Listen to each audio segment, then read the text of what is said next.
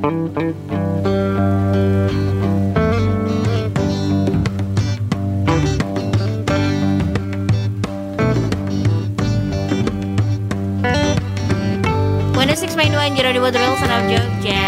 halo Kaca Pada Jogja, selamat sore semuanya.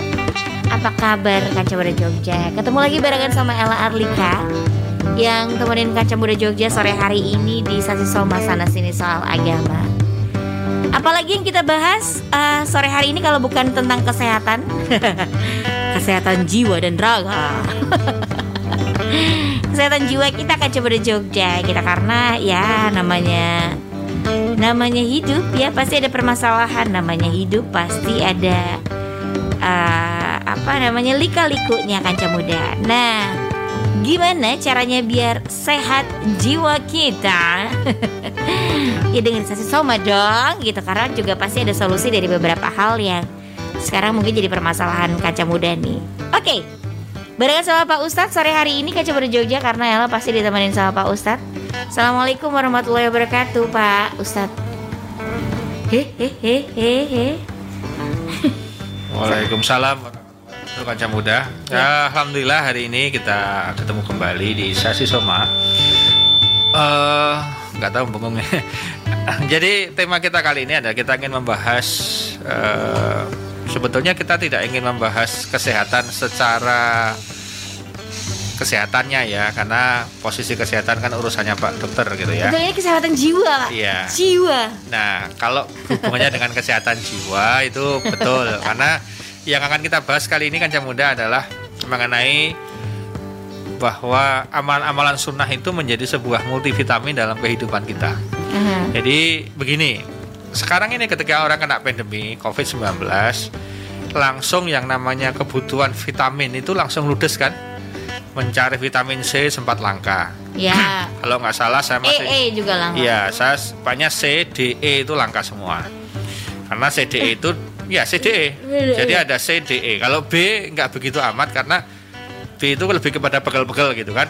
Tapi kalau kemudian C itu daya tahan tubuh, D itu imun, kemudian uh, dia juga menjadi pengganti daripada orang yang nggak mau berjemur itu kan karena mungkin alergi kulitnya kemudian vitamin E itu juga antioksidan jadi sebenarnya CDE itu antioksidan tok isinya hmm. nah tetapi ternyata kita baru nyadar bahwa selama ini kita kemudian membutuhkan supporting ketika normal keadaannya mungkin tanpa itu mungkin sudah tersaplaikan oleh beberapa aktivitas makan kita yang ada itunya tetapi nggak banyak. Ada ada multivitaminnya tapi nggak banyak. Sehingga kan itu butuh asupan. Hmm. bayangkan ketika orang saat ini memborong multivitamin kemudian dia merasa aman dengan multivitamin itu karena menjadi strong bagi dirinya. Nah kenapa ini tidak kita kemudian me, apa ya mentransferkan kepada kehidupan kita di mana kalau kita cuma amalannya adalah sholat tok. Subuh dua asar maghrib isak hmm. tok. Tanpa sholat sunnahnya tanpa puasanya tanpa wirid zikirnya tanpa bacaan Qurannya tanpa majelis taklimnya tanpa silaturahminya. Itu yang terjadi kita betul-betul rawan. Kena infeksi sedikit aja susah sembuhnya. Hmm. Infeksi yang dimaksud di sini adalah infeksi jiwanya. Begitu kena penyakit iri susah sembuhnya. Begitu kena penyakit dendam susah sembuhnya. Begitu kena penyakit hasad susah sembuhnya. Begitu kena penyakit marah susah sembuhnya. Gitu loh. Nah jadi sebetulnya multivitamin dalam kehidupan kita yang dalam konteks kejiwaan itu sangat dianjurkan untuk kita mengkonsumsi amalan-amalan sunnah. Karena Allah mendesain semua amalan sunnah ini itu untuk meningkatkan daya tahan tubuh. Manakala ketika sebuah peristiwa menyapa diri Anda dan keluarga Anda tidak stres. Misalnya kekurangan harta, hmm. misalnya uh, kerewelan suami, kerewelan istri, kerewelan anak misalnya, kerewelan orang tua, kerewelan mertua misalnya. Hmm. Itu kan sebuah sesuatu yang kadang-kadang kalau orang tidak punya multivitamin itu stres. Waduh. Stres, pasti stres. Bener. Lihat suami yang nggak kerja dalam tanda petik, seakan-akan nggak kerja tuh. Kadang-kadang kan melihat suami yang tidak kantoran itu kan paling susah bagi seorang wanita menerima keberadaannya itu. Nah. Kalau kalau orang kantoran sih masih masih bisa dimaklumi di rumah dia WFH atau dia ada jam kantornya pergi, ada absennya, ada gaji setiap rutin. Tapi kalau ketika suami bekerja dalam sektor non formal di masa pandemi ini itu seakan-akan kan nggak kerja dia. Nah, di situlah kemudian seorang wanita istri dalam konteks ini itu bisa stres tingkat tinggi ketika dia nggak punya multivitamin amal soleh sunnah sunnah sehingga dia kalau dia punya amalan sunnah Allah akan lembutkan hatinya sabar. Semuanya mengalami seperti ini gitu. Kan ada bisian-bisian yang itu tidak usah kita minta langsung ada bisiannya nggak apa-apa. Saat ini kamu harus menjadi orang yang ikhlas sehingga nanti keikhlasan kesabaranmu itu berbuah manis pada akhirnya. Karena ternyata suami-suami yang seakan-akan tidak kerja itu ketika disidang ketika dihajar ketika di apa ya dihajar yang sama itu bukan dengan fisik ya tapi dengan ada kayak pendadaran gitu kan. Kamu gimana laki-laki? Diam saja kamu. Gua mana tunjukkan ke laki-lakianmu nah, ketika omongan itu meluncur itu bukti dia stres dan nggak punya amalan apa-apa biasanya. Ketika seorang itu punya amalan untuk seperti itu tuh dia mikir betul. Oh iya ini suamiku. Apa pun dulu dia sudah memintaku dari orang tuaku. Apa pun itu dia adalah pimpinanku. Apa pun itu ketaatanku pada dia adalah jaminan surga dan sebagainya. Akhirnya apa dia cara mengeleknya mengingatkannya. Itu semut dan itu nggak berasa dan kemudian malah menjadi semacam kayak lecutan pada suaminya. Mm-hmm. akhirnya suaminya kemaluannya muncul. Mohon maaf ya bukan kemaluan yang itu saya maksud artinya dia malu muncul oh iya ya aku laki-laki nggak kerja uh, aku nggak bisa seperti ini. Akhirnya dia cancu tali wondo dan kata kuncinya kemudian dia nggak gengsi. Sebetulnya persoalannya muncul itu karena kita gengsi itu kan dan itu kita akan gengsi itu hilang kalau dengan agama mbak Ella. Dengan agama itu gengsi gengsi itu kan hilang. Yang penting apa? Barokah halal toyib gitu kan? Lihat para sahabat dulu. Ketika di medan perang ya dia jagoan. Ketika dia nggak perang ya dia jualan gitu Pak Ella kan? Biasa dia jualan ya. Ada yang kemudian jualan roti ada yang jualan daging, ada yang jualan korma gitu kan. Ya tidak memalukan. Memang itu adalah sebuah ikhtiar, Mbak. Gitu kan. Beberapa alim ulama juga ada yang buka servis sepatu, istilahnya kayak gitu tuh ada, servis jam juga ada. Jadi zaman dulu itu mereka itu me, apa? Islam mencari nafkah itu untuk apa ya? Ini kata kuncinya di sini. Ketika orang tahu ilmunya, dengan amalan soleh, amalan sunah-sunah yang dia lakukan, dia otomatis itu gampang untuk mendapatkan hidayah. Gini loh. Jadi gini, nggak usah jauh-jauh kan yang mudah. Misalnya kamu ambil satu multivitamin, vitamin D. Misalnya ambillah vitamin D itu adalah duha. Misalnya saya sebutnya D duha misalnya. Kamu rutin duha atau sudah rakaat kamu nggak pernah tinggalkan. Tiba-tiba ada insight. Entah kamu lagi nonton handphonemu, tahu-tahu ada yang posting, tahu-tahu ada yang nge-share, tahu-tahu kamu lihat YouTube-nya siapa, tahu-tahu terinspirasi bahwa di situ itu yang namanya kerja, yang namanya jualan, yang namanya dagang, yang namanya ikhtiar, yang namanya bergerak untuk dapat rezeki itu hanya media. Hanya media gitu loh. Jadi bukan tujuan utama. Artinya yang penting kamu halal, kamu tekun, nanti Allah yang ngurusi kecukupannya. Bisa jadi kecukupannya tidak lewat kerjaanmu itu gitu loh. Tapi lewat ada tangan-tangan lain kemudian yang Allah kirimkan untuk mencukupi itu. Itu kan kita nggak pernah tahu. Nah, jadi jangan menganggap bahwa kerja itu menjadi apa ya? Menjadi tujuan utama. Bukan itu hanya sebuah ikhtiar saja. Jadi istilahnya orang itu syarat saja lah. Syarat kamu itu di hadapan Allah kamu harus ikhtiar. Nah, masalah hasil nanti Allah yang menentukan. Gitu loh. Nah, jadi kalau kita sudah bicara itu, kita sudah insya Allah jadi orang yang lebih enak. Nah, saat ini dengan adanya pandemi ini dibutuhkan multivitamin yang kompleks Mbak Ella. Ada duhanya, ada tahajudnya gitu kan. Ada wiridnya, ada solawatnya, ada zikir yang panjangnya, ada tawakalnya. Karena gabungan dari amalan sunnah ini nanti satu kata Mbak Ella. Pun Gusti kulon derek dalanin jenengan. Kulon derek rencananya rencananya jenengan. Yang penting saya yakin engkau telah memberikan perumpamaan lewat hadisnya Rasulullah dan lewat ayat-ayatmu bahwa yang namanya burung saja manakala dia kemudian menetaskan dan kemudian ada di atas pohon yang namanya si burung ini induknya ini kemudian dia dikatakan dalam Al-Qur'an di sana saya lupa ayatnya surat berapa intinya dia akan keluar dan sore hari dia sudah membawa makanan. Jaminan dari Gusti Allah loh. Bayangkan ketika dia pakai pikiran, saya sangat yakin dia akan mati, Mbak Ella. Mhm. Wah, iki lek golek ning yo? Angel tenan iki lek engko piye? Apa ya ono sing guang panganan? Bingung itu. Itu coba kalau burung dan hewan-hewan itu pakai pikiran mungkin mati semua nggak jadi bergerak dia. Tapi dia yakin bahwa Allah akan memberikan pertolongan. Keyakinan itulah yang kemudian sebenarnya aku metu. Aku yakin aku pulang bawa makanan Oh, yang rezeki. untuk aku lolah untuk anak-anakku. Itu kata kuncinya. Nah, manusia-manusia sekarang ini karena kecanggihan teknologi justru kadang-kadang dibikin dia merasa hebat dengan dirinya sendiri dan di saat itulah kemudian stresnya muncul. Nah, coba lihat. Hampir semua persoalan kehidupan saat ini, Mbak Ella, munculnya itu kancah muda adalah karena standarisasi yang tidak pernah ikut Quran dan hadis. Jadi standarisasinya dibikin ikut hawa nafsu, ikut duniawiyah semata-mata. Ya sudah selesai. Nggak usah jauh-jauh lah. Kita sebagai orang tua, nggak usah terlalu merasa paling suci. Tapi coba ditanya, kalau kamu suruh milih mantu besok, gitu kan? Kamu pilih mantu yang soleh, tenan, apa yang kaya tenan. Kamu pasti akan menjadi sebuah orang yang kemudian akan membuat alasan-alasan tertentu. Mhm. Yang kemudian kamu akan kepada sugih, duit-duit akeh. Itu akan diambil. Tapi tahukah Anda, di balik itu semua ada orang tua yang betul-betul kekeh.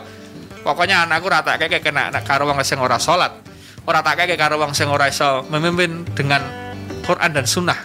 Itu ada orang tua seperti itu. Nah dibutuhkan orang tua yang berani begitu. Ketika orang tua punya standar seperti itu, anaknya mengikuti, insya Allah mantunya mengikuti dan kemudian akan aman. Karena kalau sekarang ini yang membuat kita menjadi susah hidupnya, itu sebetulnya bukan karena kita kekurangan, Mbak Ella.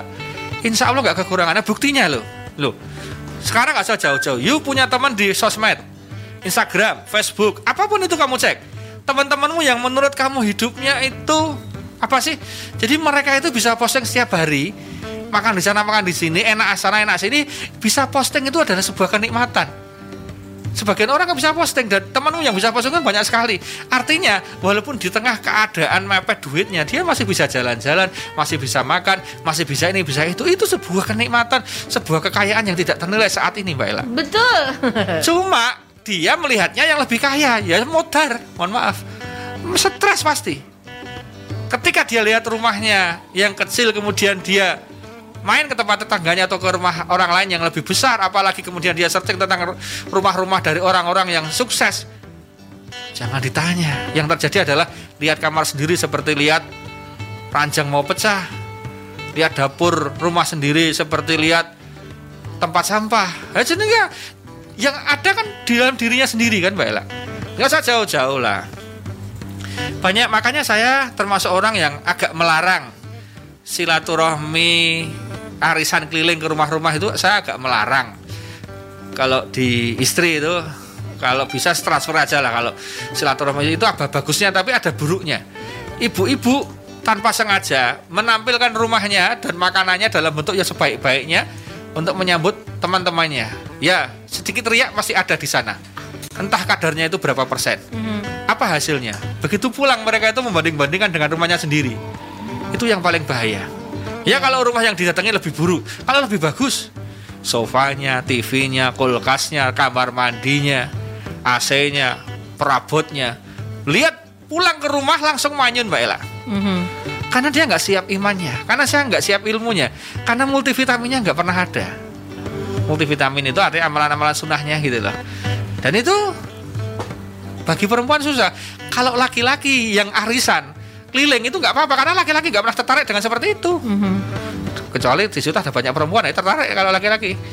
Karena fitrahnya laki-laki tertariknya nggak nggak seperti itu. Nah perempuan itu fitrah makanya bahaya. Ketika perempuan diajak ke tempat-tempat yang bagus-bagus itu, ketika imannya nggak kuat, yang terjadi pulang sampai rumah kayak anak kecil ya, Mas. Besok kudu duwe kae lho Mas bicarane. ya sudah, ketika dia bilang piye carane, nah di situlah kemudian laki-laki itu ada satu PR. Belum PR-nya dikerjakan, dia berapa hari kemudian ada PR lagi. Sing lho, oh iya Mas, PR-nya banyak sekali. Akhirnya ketika laki-laki itu punya peluang untuk korupsi, dia ambil itu Ya. tanpa sengaja hanya gara-gara PR yang banyak dari istrinya itu. Lagi-lagi kaca muda ini terjadi karena amalan-amalan sunnah nggak pernah merasuk pada jiwa-jiwa kita. Kenapa nah, Pak Ustadz? Nah gini, amalan sunnah itu itu tanpa disengaja Mbak Ella. Langsung merasa kesungsung paling dalam dan kemudian ke hati yang nurani yang paling dalam itu tak tidak bisa diapusi ya tidak bisa ditipu. Dia menjadi penawar bagi racun-racun yang masuk Mbak Ella. Masa jauh-jauh jeng piye? Kapan karena bojomu yang neng Bali? Dolan lho jung rameng neng Jogja terus neng numpak motor cah loro. Ya sekali-kali numpak pesawat dolan gitu kan itu kalau orang nggak punya amalan sunnah mbak Ella. Tenan gue tekan ngomah langsung rapat kae karo bojone. Mas kapan neng Bali mas? Coba dihitung mas. Kira-kira dia makan wah wes rawar karo karo karuan tapi kalau punya amalan sunnah mbak Ella? Tekan ngomah langsung gelar sajadah. Langsung sholat hajat mbak Ella. Duh Gusti Allah, mugi panjenengan paringi lancar rezeki kula, rezeki garwa kula. Kula kepengin lunga dolan-dolan kados rencang kula ingkang wau menika Gusti Allah. Langsung ngak, apa namanya? Bilangnya sama Gusti Allah langsung. Mhm. Karena suami itu janjane mikir kayak wis mau dase. Tak tambahin PR. Wah, rame mumet itu. Iso tekanan batin. Makanya mohon maaf banyak yang impoten, banyak yang itu kan apa? Yang bisa jadi karena banyak pikiran. gitu loh. Ingat loh ya, perempuan itu orang perasa. Mikirnya iya tapi jarang. Laki-laki itu pemikir tapi nggak punya rasa tapi mau pemikir makanya laki-laki itu cenderung banyak diem kenapa karena mikir terus perempuan kenapa banyak ngomong nggak pernah Karena- banyak diem? Karena nggak pernah mikir. Kan rasa aja nggak enak ngomong dia. Enak ya ngomong dia. Laki-laki sih Pak? Ini memang mungkin diprotes boleh. Sebagai perempuan gak terima karena saya juga suka mikir. nah lah kadar pikirannya beda mbak. Ah gitu. kadar pikirannya beda. Ingat loh ya misalnya nggak usah jauh-jauh sekarang kita ngetes boleh lah. Misalnya seorang ibu-ibu di request sama suaminya. Itu bisa jadi dia lali solo lah lali itu sangat mungkin bagi perempuan karena kalau nggak diingat oh iya iya. Tapi laki-laki nggak nggak mungkin bisa lupa request dari istrinya. Karena naluri laki-laki adalah memenuhi kebutuhan istrinya. Itu naluri semua laki-laki sama mbak Ella. Dijaluk kuwi dia itu mikir piye caranya memenuhi. Nah hanya saja ketika laki-laki itu laki-laki yang soleh dia akan kemudian apa namanya membela istrinya menggandeng tangan istrinya memeluk istrinya dan mengatakan Bismillah bantu doa ya bantu amalan ya. Insya Allah mudah-mudahan Allah wujudkan Bismillah. Jadi dia orang men- menolak sih. Tapi nek randu amalan sunnah biasanya memang menang atau langsung ngamuk baik lah Hmm. lah kono. Golek sing sama memenuhi kebutuhanmu bae langsung ngono iso. Emosinya muncul dia kok pengen omah sing apik? Ya kono golek sing di omah sing apik. Pengen golek sing iso ngejak ning Bali ya kono golek. Aku kan ra iso. Golek sing iso kono.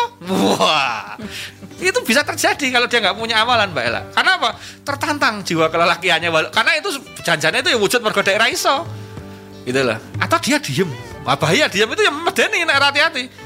Gitu kan? Nah jadi di sinilah pentingnya agama itu. Makanya saya pesan betul ya di situasi seperti ini di mana semuanya sekarang serba ngeluh nah, sini kalau kita ke mana-mana ngeluh mesti piye toh Kue ketemu pengusaha ya mengeluh, kue ketemu pegawai ya mengeluh, kue ketemu siapa kue akan mengeluh.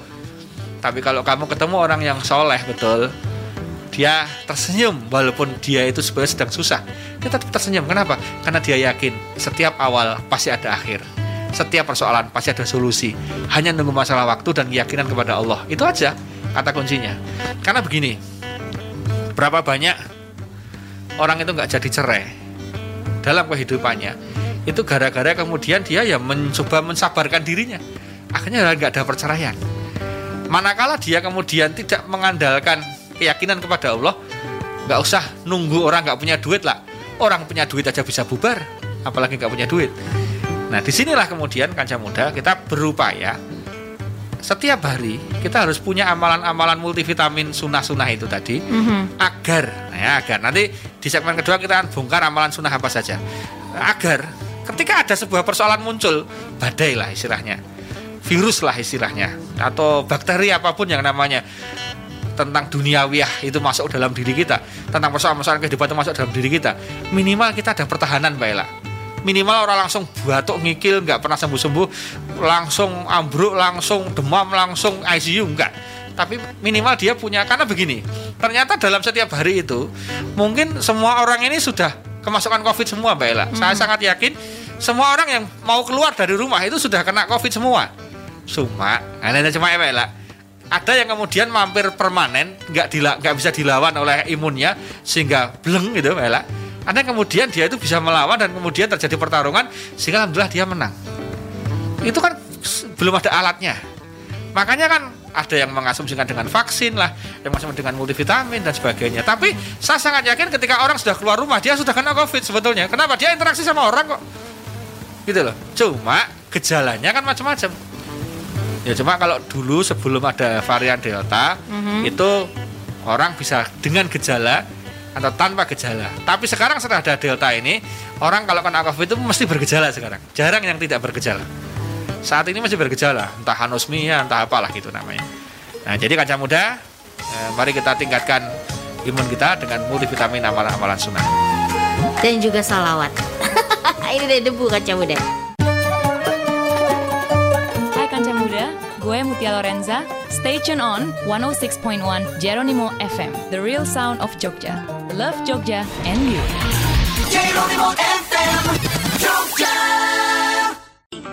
Lanjut lagi ke Cemara Jogja kita masih ngobrolin soal vitamin. Ibadah vitamin apa eh, ibadah apa yang bisa jadi vitamin kita untuk eh, kehidupan kita ini ke Cemara Jogja. Nah, kita akan bahas tuntas setelah ini. Bisa sih sama Toto. Iya no Ustaz. Ya, pertama adalah eh, sholat kita itu anggap saja belum sempurna sholat wajib kita, sehingga kita perlu melakukan pemolesan terhadap sholat wajib kita dengan amalan sunnah sholat-sholat rawatib namanya. Jadi nomor satu kata kuncinya inna sholata tanha anil fasai wal mungkar. Sungguh sholat itu mencegah perbuatan keji dan mungkar. Nah sholat yang kayak apa? Tentu sholat yang bagus. Nah anggap saja sholat wajib kita ini selama ini tidak 100% gitu Mbak Ella. Nah, sehingga kita butuh multivitamin untuk nambahi Mbak Ella. Nah, untuk sholat wajib ini kemudian bolong-bolong dalam tanda petik bukan bolong nggak sholatnya loh ya. Bolong dari sholatnya yang mungkin kurang sempurna itu adalah dengan nambahi sholat sunnah rawatib. Nah, kenapa ada sholat sunnah rawatib Mbak Ella? Itu agar sholat wajib kita itu menjadi powerful. Nah, pertama kalau kita bicara pagi ada sholat qobliyah subuh. Jadi dua rakaat se- sebelum sholat subuh namanya sholat fajar kalau dalam istilah lain namanya sholat fajar atau dalam istilah sholat ya biasa ya sholat qobliyah subuh. Jadi dua rakaat sebelum sholat subuh. Pasca subuh tidak ada sholat sunnah ya tidak ada. Kemudian baru diperbolehkan ada sholat suruk misalnya ketika dia memang melaksanakan sholat jamaah di masjid. Nah dia nggak keluar dari masjid kemudian nanti dia pada pukul tertentu ada nanti tinggal lihat di eh, jadwalnya itu ada sholat suruk dua rakaat yang pahalanya seperti orang yang haji dan umroh gitu nah kemudian habis itu nanti mulai setengah tujuh ke atas sudah ada waktu boleh duha sampai dengan maksimal jam 11 harus sudah selesai. Jadi duha itu kalau dikuruskan waktu Indonesia Barat itu setengah tujuh sampai dengan jam 11 sudah harus selesai. Waktu terbaik kapan Ustaz? Jam 10 siang. Di mana sedang panas-panasnya. Dan di saat itu sedang tinggi-tingginya transaksi. Dan di saat itu sedang banyak-banyaknya meeting, rapat, pertemuan, komplit jam 10 itu mulai semua. Jam 8 baru berangkat dari rumah kalau dia meeting. Jam 9 mungkin baru pembukaan-pembukaan registrasi. Jam 10 pas itulah sesi yang terbagus. Dan di saat itulah duha paling bagus. Gitu ya Mbak Ella. Ya gitu ya. Oke, dua rakaat atau empat rakaat sebelum sholat duhur. Rasulullah tidak pernah meninggalkan empat rakaat sebelum duhur dan empat rakaat setelah duhur, Mbak Ella. Jadi ada so- ada sholat empat Rasulullah empat Rasulullah empat tapi dua boleh Rasulullah itu tidak pernah meninggalkan dua empat rakaat sebelum duhur dan empat rakaat setelah duhur. Jadi keren toh sholat ter- terbanyak loh itu Mbak Ella kalau dihitung kan empat empat empat dua belas rakaat Mbak Ella makanya dia butuh effort yang besar. Dan Rasulullah nggak pernah meninggalkan itu. Pantas Rasulullah stabil keren powerful manusia terbaik di muka bumi ini. Apa ya kan Mbak Ella pas duhur-duhur itu orang pengenin cepet selesai kayak mangan. Pengen cepet kayak istirahat. Bila perlu makan dulu nanti aja sholatnya. Gitu kan Mbak Ella? Boro-boro mau rawatib malah duhurnya kadang-kadang jam dua setengah tiga dia baru duhur. Itu kan? Itu makanya kalau kita mau stabil multivitaminnya rawatibnya itu diperbaiki dulu Mbak Ella oke lah kalau belum bisa seperti Rasulullah 44 ya dua lah dua sebelum duhur dua setelah duhur Mbak Ella ke asar Mbak Ella asar itu adanya adalah sebelum asar dua rakaat badal asar nino tidak ada tidak ada sholat pada asar sampai dengan maghrib. Nah, sebelum maghrib ada dua pendapat. Tetapi pendapat yang menyatakan bahwa ada qobliyah sebelum maghrib itu juga kuat karena dikatakan dalam hadis semua sholat ada qobliyahnya semua sholat ada qobliyahnya berarti sebelum duhur ada sebelum asar ada sebelum maghrib ada sebelum isya ada sebelum subuh ada makanya dalil sebelum maghrib dua rakaat itu ada pakai hadis itu Ba'dal maghrib dua rakaat ada. Itu termasuk yang dikuatkan, artinya termasuk yang diunggulkan. Kemudian dua rakaat sebelum isya. Nah, dua rakaat setelah isya itu sangat diunggulkan. Barang siapa sholat isya berjamaah kemudian dilanjutkan dengan sholat ba'dal isya dua rakaat, maka dia dianggap seperti sholat separuh malam. Keren tak? Hanya dua rakaat ba'dal isya, dia sudah dihitung menjadi sholat separuh, separuh malam. malam. Tapi jangan harap kamu melakukan itu jika kamu tidak awal waktu. Pasti nggak mau kamu. Jika kamu melakukan sholat isya jam bolu, jam songo itu nggak jarang kamu nambahi badal itu. Tapi kalau kamu tepat waktu, kamu akan nambah sendiri otomatis. Gimana iman masalahnya? gitu. Oke ya. Jadi kalau kita bicara multivitamin nggak usah banyak-banyak. Cukup sholat rawatibnya ini ada menjadi penyerta dari sholat wajibnya dulu. Nah, kalau sudah itu kamu sudah bagus, vitaminnya sudah C, dah masuk itu. Nah, sekarang vitamin D, duha, Mbak Ella. Vitamin duha itu untuk strong, untuk kekuatan, untuk tulang. Berarti lebih, kalau sudah bicara duha, kamu itu sudah menjadi orang yang sudah rawatibnya itu selesai biasanya, Mbak Ella. Jadi jarang orang sholat duha yang rutin itu rawatibnya enggak itu jarang loh. Jadi orang ketika duhanya rutin, dia rawatibnya itu biasanya sudah rutin. Nah kalau misalnya belum, mudah-mudahan dengan duha yang rutin itu membuat dia gatal untuk rawatibnya juga ada, gitu loh Mbak Ella. Jadi saling menopang. Jadi kalau kita bicara vitamin D khusus untuk tulang kan ini bicaranya kalau D itu kan tulang kekuatan. Nah berarti coba lihat orang yang duhanya bagus kecenderungan sehatnya tinggi juga. Karena apa? Dia dalam tanda petik olahraga tanpa terasa. Karena di siang hari dia 12 rakaat. Nah itu kan keren sekali. Dua salam dua salam dua salam dua salam. Kalau kamu udah masuk ke duha saya pesan betul jangan nanggung sama-sama luangin waktu. Ngapain cuma dua? Kamu menurut saya kamu orang Rugi aneh. amat. Iya, orang aneh. Super aneh. Lo kamu itu sudah bijak. Misalnya kamu di kantor nih. Ini coba kamu di kantor. Terus kamu tiba-tiba mau ke mana? Pimpinannya agak agak cerewet maaf ya. Mau ke mana lah ntar pak izin ke musola. Kamu udah izin ke musola pimpinannya galak kayak gitu? Kamu cuma dua? Ngapain rugi lah gitu kan. Sekalian mumpung pemimpinnya galak atau sengak gitu kan. Udah sholat aja. Oke ya. Jadi 12 rakaat ya. Dan kata kunci 12 rakaat itu jangan lihat rakaatnya. Kebanyakan orang memulai pertama kali itu paling berat. Hmm. tapi kita sudah dua rakaat salam istirahat sebentar santai dua rakaat lagi santai sebentar dua rakaat lagi. Nanti kamu itu ada rasa eman-eman. Ngapain? Sudah sampai 8 kenapa nggak 12 ngapain udah sampai 4 kenapa nggak 12 apalagi kalau sudah 10 ngapain udah 10 nggak sampai 12 akhirnya begitu 12 selesai ada kelegaan dalam hati. Alhamdulillah. Seolah-olah serakaat ya Allah ada kelegaan. Semua orang yang dulu sudah melampaui sampai maksimal 12 rakaat, setelah selesai ada kelegaan tertentu karena itu berat perjuangannya. Walaupun siang loh. Walaupun siang, justru paling berat itu bukan ketika kamu sedang kerja. Kalau kamu sedang kerja itu malah menurut saya nggak ada beratnya. Kenapa? Karena kamu akan break dari pekerjaan itu seakan-akan taleren dengan sholat. Masih lebih keren kan daripada tidur. Yang paling berat 12 rakaat duha itu justru pada waktu hari libur itu paling berat menurut saya. Sabtu misalnya kamu nggak kerja, Loh kamu kemudian nggak ada jam kan? Kamu harus tentukan jam sendiri, oh, kamu santai. Iya. Ketika kamu di kantor, kamu harus menentukan jam. Oh iya, aku kalau pagi setengah delapan sudah mulai absen, sudah harus di kantor, jam setengah delapan komputer sudah on, sudah mulai masuk input-input atau apa, print-print dan sebagainya dan sebagainya. Tetetetet. Pokoknya aku jam setengah sepuluh pas break itu aku mau sholat. Jadi kamu di, di kantor sudah punya jadwal incas khusus untuk sholat duha. Kamu paksakan jam itu. Ketika kamu di rumah kan stylenya beda. Style males, style senang-senang sama anak, sama istri, style main, style dulan. itu paling berat. Makanya begitu kamu Sabtu keluar kota, keren banget saya melihat beberapa teman-teman itu begitu keluar kota, mobilnya mandek saya entah neng rest area nah di sholat duha dia tetepan dia bawa sarung dia sholat walaupun sholatnya tidak bisa sekusuk ketika dia tidak main atau tidak piknik tapi keren menurut saya tapi keren karena dia memaksakan walaupun akhirnya bacanya inakul hu inakul hu inas kok anas mulai ina ya bet kenapa? 12. kenapa? Karena ini piknik Iya, iya. Allah maha tahu tapi Allah pasti ngacungin jempol itu. Keren kamu. Kamu piknik udah mau tetap sholat duha gitu kan? Walaupun bacaannya gitu tetap diapresiasi pastilah.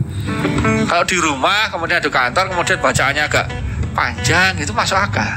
Lah ini kan orang itu lihat kenapa ada Kenapa ada jamak? Kenapa ada kosor? Itu Allah tahu kalau kamu sedang piknik, dulan, tamasya, jalan jarak jauh, kamu inginnya cepat, kamu inginnya ibadahnya pendek-pendek. Allah tahu, bro.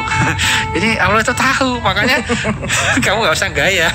Allah tahu. Nah, makanya ketika orang kok Sabtu Minggu datanya mudik, loh keren tuh lah. Sholat duha hari Ha Idul Fitri itu keren lah. Eh? Keren. Bayangkan. Idul Fitri tadi pagi dia sholat eh, di lapangan, makan enak, tetap sholat dua dalam rakaat itu keren lah, itu keren. Yang lain ah perai ah sekali-kali gitu kan. itu keren. Makanya istiqomah itu mahal harganya. Betul, susah soalnya. Ya istiqomah itu mah mahal dan itu wah makanya orang-orang terdahulu jangan kaget meskipun dengan keadaan. Kalau kita lihat orang-orang dulu ya, kalau kita bicara simbah-simbah dulu atau kerajaan-raja dulu itu ampuh-ampuh mbak Ella, ya kan? Dia bisa jalan di atas air gitu kan? Dia ditombak ramati, dia Iya. apa kebal. Itu bukan karena dia punya haji-haji itu datang sendiri karena Allah yang melindungi gitu loh. Karena kerennya tadi itu loh, dia istiqomah. Nah kalau orang-orang zaman sekarang mbak Ella, kerennya itu dalam bentuk apa? Dia kelihatannya biasa rumahnya, dia biasa penghasilannya, tapi bahagianya itu menyeluruh dan itu menikmati betul. Itu susah di. Jadi gini loh, nggak usah jauh-jauh lah. Kalau kamu pengen tahu gambar orang kaya tapi nggak bahagia, ya kamu lihat koruptor sekarang itu. Itu kekayaannya besar sekali. Tapi apakah diwawancara apakah mereka bahagia? No, tidak, pasti tidak dia sudah terbayang dalam dirinya. Istrinya jatuh namanya karena dirinya. Kalau dia suaminya yang masuk penjara. Anak-anaknya juga malu karena dirinya. Bahkan dia kemudian rasa kemanusiaannya muncul. Seandainya hartaku bisa aku berikan untuk kemudian aku bebas aku kan tebuskan untuk bebas. Itu kan? Tapi itu pun belum membuat dia bahagia. Kenapa? Bukan urusan duitnya banyak tapi urusan nama baik yang sudah corang-morang itu tidak mudah. Dan itu mahal harganya nama baik itu. Makanya ada orang sampai ke pengadilan nuntut nama Baik. gitu loh. Itu makanya kalau kita mau lihat real siapa sih Ustadz yang duitnya banyak nggak bahagia? Ya sudah banyak contohnya. Tapi mana sih Ustadz yang uang orangnya duitnya sedikit tapi dia bahagia? Nggak bisa diungkapkan karena media kita tulisan kita ceramah kita selalu mengungkap yang seperti nggak seperti itu gitu loh. Tapi kalau kamu mau merasakan betul kamu nanti akan nggak usah komen kamu itu kan bahagia sendiri. Artinya nggak usah kalau kata-kata yang sering muncul di sosmed kan bahagia itu sederhana ya itu karena kamu bersyukur saat itu. Coba kamu nggak bersyukur kamu nggak bisa bilang gitu. Betul nggak? Ya karena kamu mepet akhirnya kamu bersyukur akhirnya muncul kata-kata itu. Gitu loh. Jadi sebetulnya kalau yang betul tuh bahagia kita yang ciptakan itu keren. Maksudnya kita ciptakan dengan kita kita harus membatasi bahagia itu sendiri. Kalau tidak ya stres sendiri. Gitu loh. Makanya beberapa orang dengan linuwes tadi mbak Ella, amalan-amalan tertentu itu yang kemudian istiqomah itu itu sing jenenge mangan apa? Wae ya enak entuk duit apa wae guyu kabeh iso sekolah kabeh iso do duwe bojo kabeh duwe putu kabeh bahkan tanpa disadari kalau dihitung kalkulatif antara penghasilan kedua orang tuanya untuk membiayai kehidupan lima anaknya sampai akhirnya besar dan berkeluarga dan sukses itu nggak pernah ketemu hitung-hitungan matematikanya. Itu kamu tanya banyak orang seperti itu terjadi. Itu terjadi banyak sekali. Itulah namanya keajaiban. Mhm. Yang kalau orang dulu ditusuk rapopo gitu loh Mbak Ella. Yang orang dulu dia bisa jalan di atas air. Orang sekarang nggak gitu. Orang sekarang adalah biasa orangnya, mepet duitnya, bisa ke mana-mana, bisa punya apa-apa, bisa bahagia. Itu orang sekarang begitu. Ampuhnya itu di situ. Gitu. Gitu. Jadi rawatib sama duha. Baru itu aja sudah komplitnya luar biasa tuh. Kita belum bicara tahajud, kita belum bicara sholawat, kita belum bicara wirid-wirid tertentu, kita belum bicara ngaji, kita belum bicara mujahadah, kita belum bicara silaturahmi, kita belum bicara ziarah, kita belum bicara umur haji. Itu aja sudah. Minggu depan. Kan gitu. Nah, artinya nggak usah jauh-jauh, vitamin C dan D aja kamu konsumsi dulu itu. Iya, iya. Rawatib sama duhanya. Eh, itu kerjain yang itu aja. Itu kalau itu kalau udah bagus nanti ya udah. Kita masih ada B1, B2. Oh, banget ki. Ana biotin, ana vitaminnya macam-macam. Ini produk semua dia. Sing sebenarnya aku tuku tata kan didol lagi. gitu ya Pak Ustadz sih. Itu itu kita mengerjakan yang tadi kayaknya gampang aja diomongin. Itu kerjain dulu. Iya, iya. Itu susah. Jadi istiqomah, istiqomah. Karena begini. Istiqomahnya susah loh Pak Ustadz ya kan?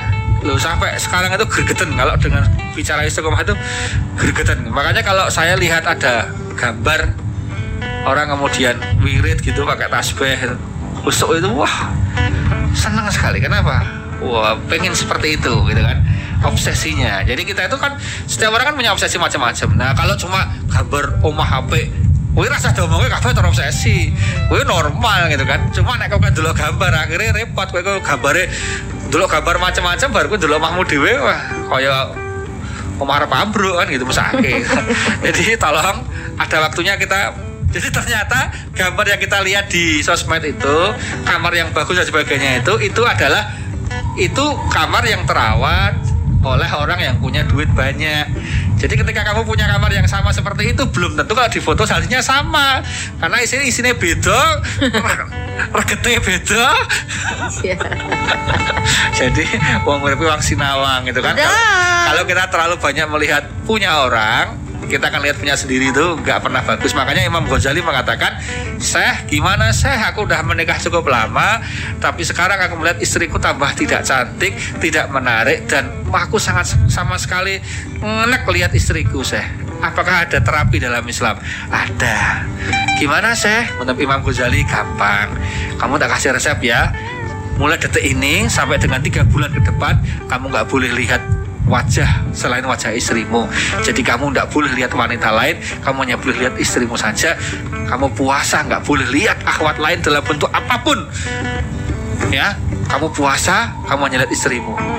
Begitu tiga bulan berlalu dia datang ke tempat Imam Ghazali Syekh Alhamdulillah matur nuwun sangat. Iya Syekh istriku sekarang cantik sekali terlihat luar biasa. Nah jadi ternyata istri kita pasangan kita terlihat bagus itu karena kita Gak ada pembanding. meng- mengurangi bukan mengurangi mengurangi melihat orang Lain. lain gitu lah gitu. nah sekarang ini kita terlalu banyak melihat orang lain dan tidak pernah melihat istri dan suami kita masing masing ya wes akhirnya ketemu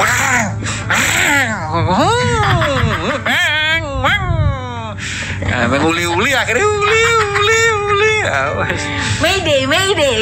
Eh, Mayday tapi buat keluarga. Wah, itu repot ya. Oke, itu tadi kacamata Jogja vitaminnya gitu, vitaminnya buat kita eh, hidup ini ada dua yang harus kita kerjakan duluan. Tapi tapi banyak.